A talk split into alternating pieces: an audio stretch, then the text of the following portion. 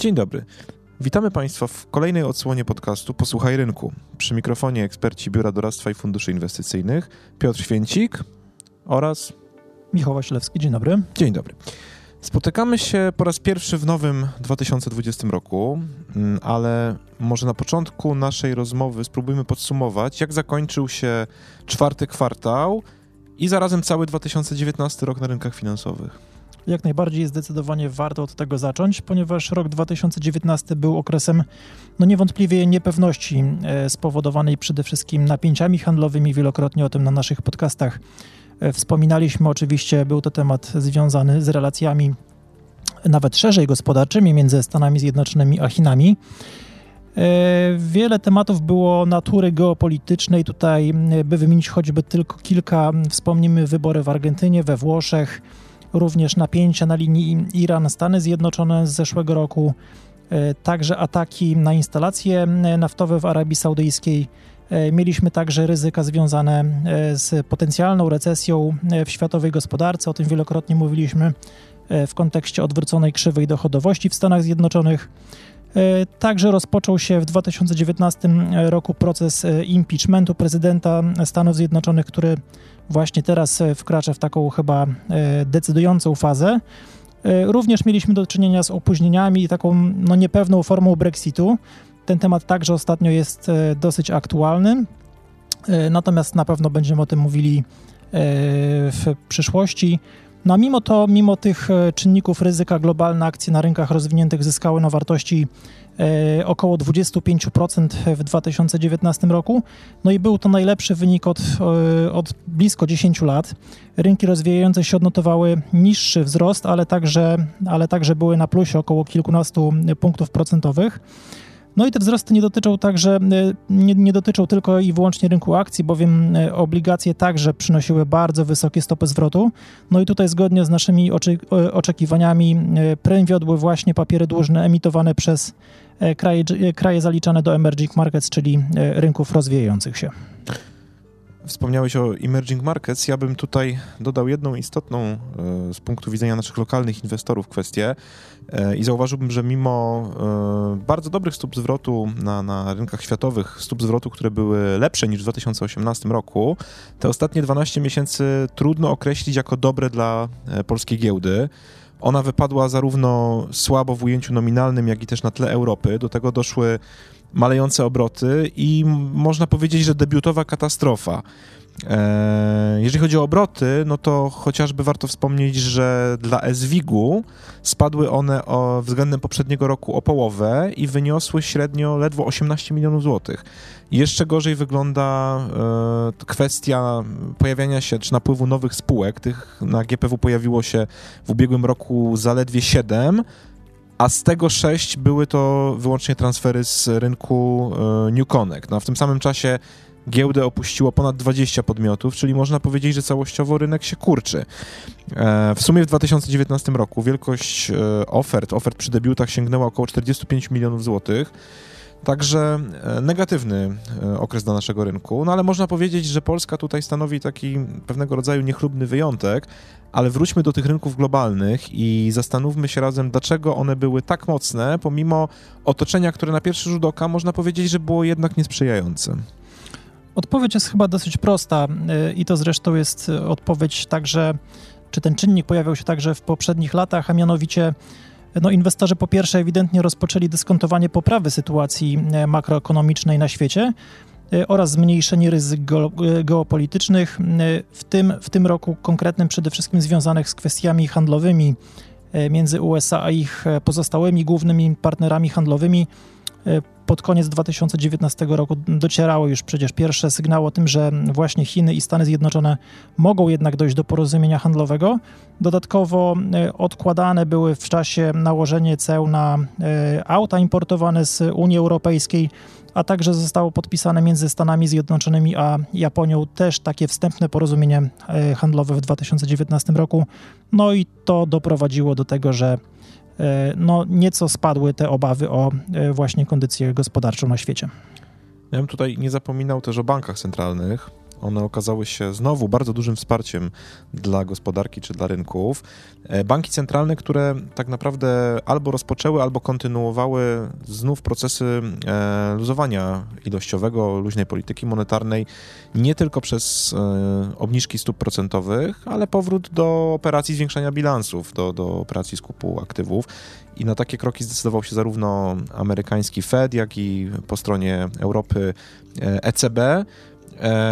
Obniżki stóp były dokonywane w wielu krajach istotnych dla światowej gospodarki, oprócz e, Fedu czy ECB, również warto wskazać tutaj Australię, Chiny, Indię, Indonezję, Meksyk, Rosję czy Brazylię.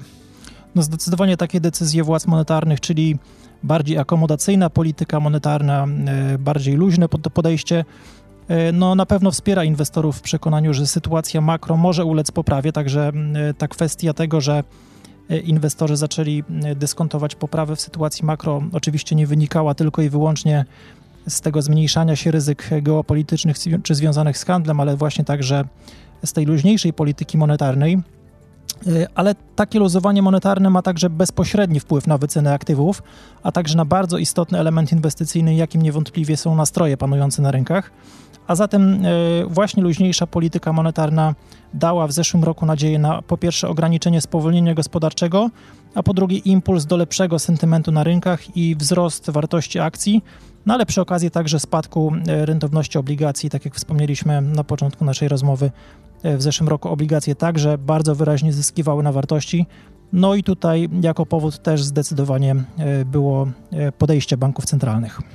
No mówiłeś o sentymencie, o nastrojach, e, to wróćmy tu może jeszcze na chwilę do globalnego handlu, bo e, kolejnym bardzo ważnym czynnikiem, który szczególnie w czwartym kwartale miał znaczenie, e, to była rosnąca szansa na osiągnięcie porozumienia handlowego między Stanami Zjednoczonymi a Chinami. To porozumienie zostało w ubiegłym tygodniu, w połowie stycznia podpisane, no ale w kolejnych miesiącach inwestorzy na pewno będą liczyli na dalsze negocjacje, na, na osiągnięcie kolejnego etapu takiego porozumienia, dojście do e, finalnego kształtu tej umowy handlowej, która reguluje stosunki między e, Stanami Zjednoczonymi a Chinami.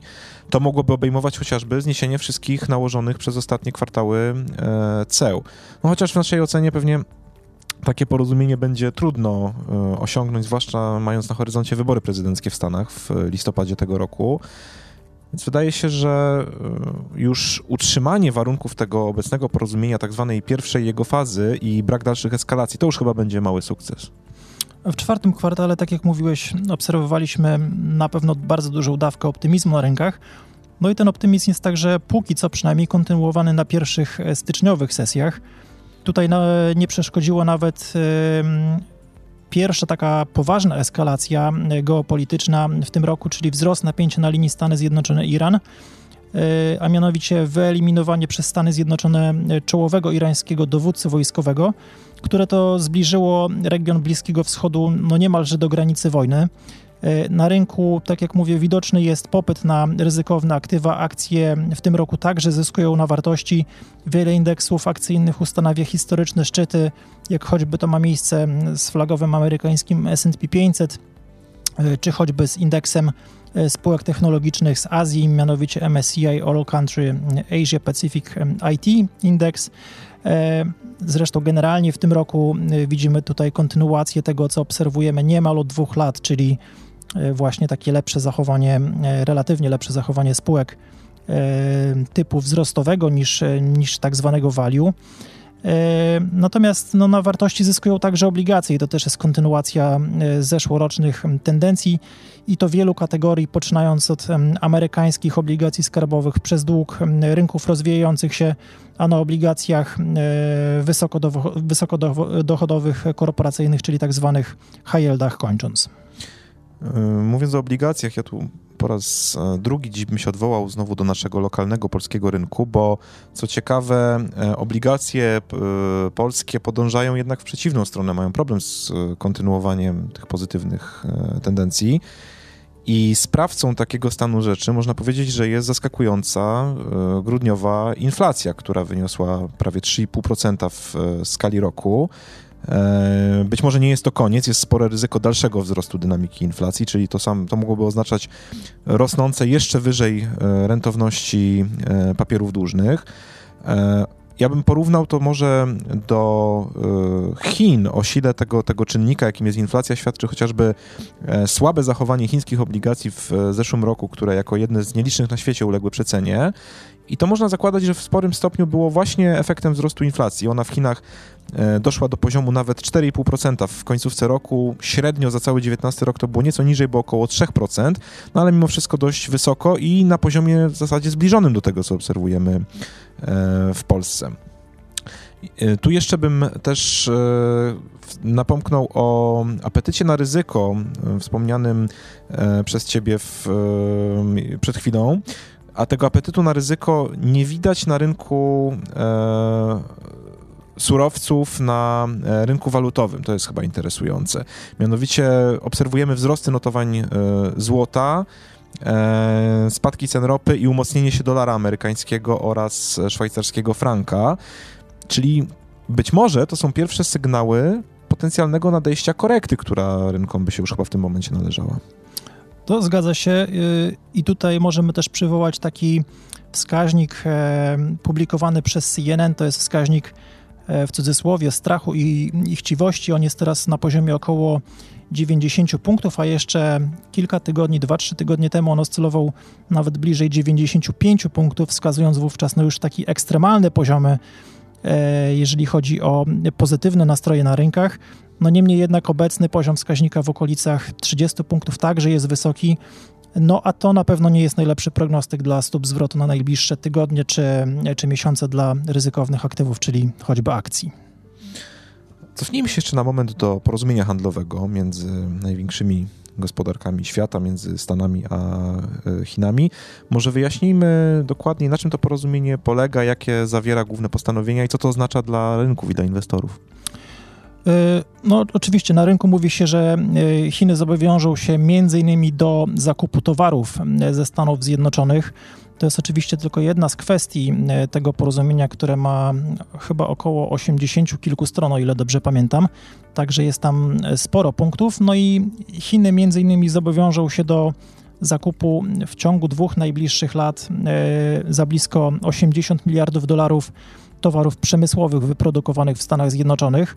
Oprócz towarów przemysłowych za około 80 milionów dolarów Chińczycy kupią od Amerykanów także m.in. E, surowce energetyczne. E, natomiast o około 50 miliardów dolarów zwiększą zakupy usług, a e, blisko 40 miliardów dolarów zwiększą się zakupy dóbr rolnych.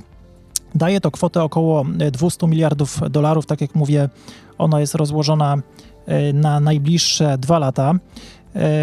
I wartości te stanowią tak naprawdę ogromny wzrost w stosunku do chińskiego importu towarów e, wytwarzanych właśnie w, w USA. E, no i wśród specjalistów budzi się pewien sceptycyzm co do tego, czy Pekin będzie chciał, czy będzie mógł zrealizować swoje obietnice. Jak wynika e, z danych Departamentu Handlu Stanów Zjednoczonych, w okresie od stycznia do listopada zeszłego roku całkowita wartość eksportu ze Stanów Zjednoczonych do Chin wyniosła prawie 100 miliardów dolarów, e, zatem w ciągu prawie pełnego roku. No i to by sugerowało, że taka skala zakupów, do której zobowiązali się Chińczycy, no w praktyce mogłaby wręcz oznaczać koniec deficytu handlowego z USA. E, no oczywiście koniec deficytu handlowego Stanów Zjednoczonych oczywiście z Chinami. Natomiast tak jak mówię, to jest plan taki na najbliższe dwa lata poza zakupem, właśnie zwiększonym zakupem amerykańskich towarów, Chińczycy zobowiązali się także do e, pewnych reform, jeśli chodzi o między innymi rynek finansowy, ale także do zwiększenia ochrony, jeśli chodzi o własność intelektualną amerykańskich przedsiębiorstw. Ja na koniec tej obszernej analizy dodałbym jeszcze, że można spotkać się z e, dosyć ciekawym ujęciem problemu tego porozumienia handlowego, bo skupiamy się tutaj cały czas na wyłącznie USA i, i Chinach, ale niektórzy analitycy też wspominają o możliwych efektach ubocznych dla gospodarek, które nie są tym dwustronnym układem objęte. Można tu wskazać przede wszystkim Niemcy, czy też cały szereg krajów e, wschodzących, które są e, bardziej aktywne na, na arenie międzynarodowej w zakresie handlu. I takie zwiększenie zakupu towarów czy usług w USA przez Chiny mogłoby spowodować, że strona chińska będzie miała mniejszy apetyt na eksport z tych innych krajów, co będzie mieć oczywiście dla nich dodatkowe, e, rzecz jasna, negatywne e, konsekwencje. To już wszystko na dziś. Dziękujemy Państwu bardzo za uwagę i zapraszamy za dwa tygodnie do kolejnej edycji naszego podcastu. Do widzenia. Dziękuję.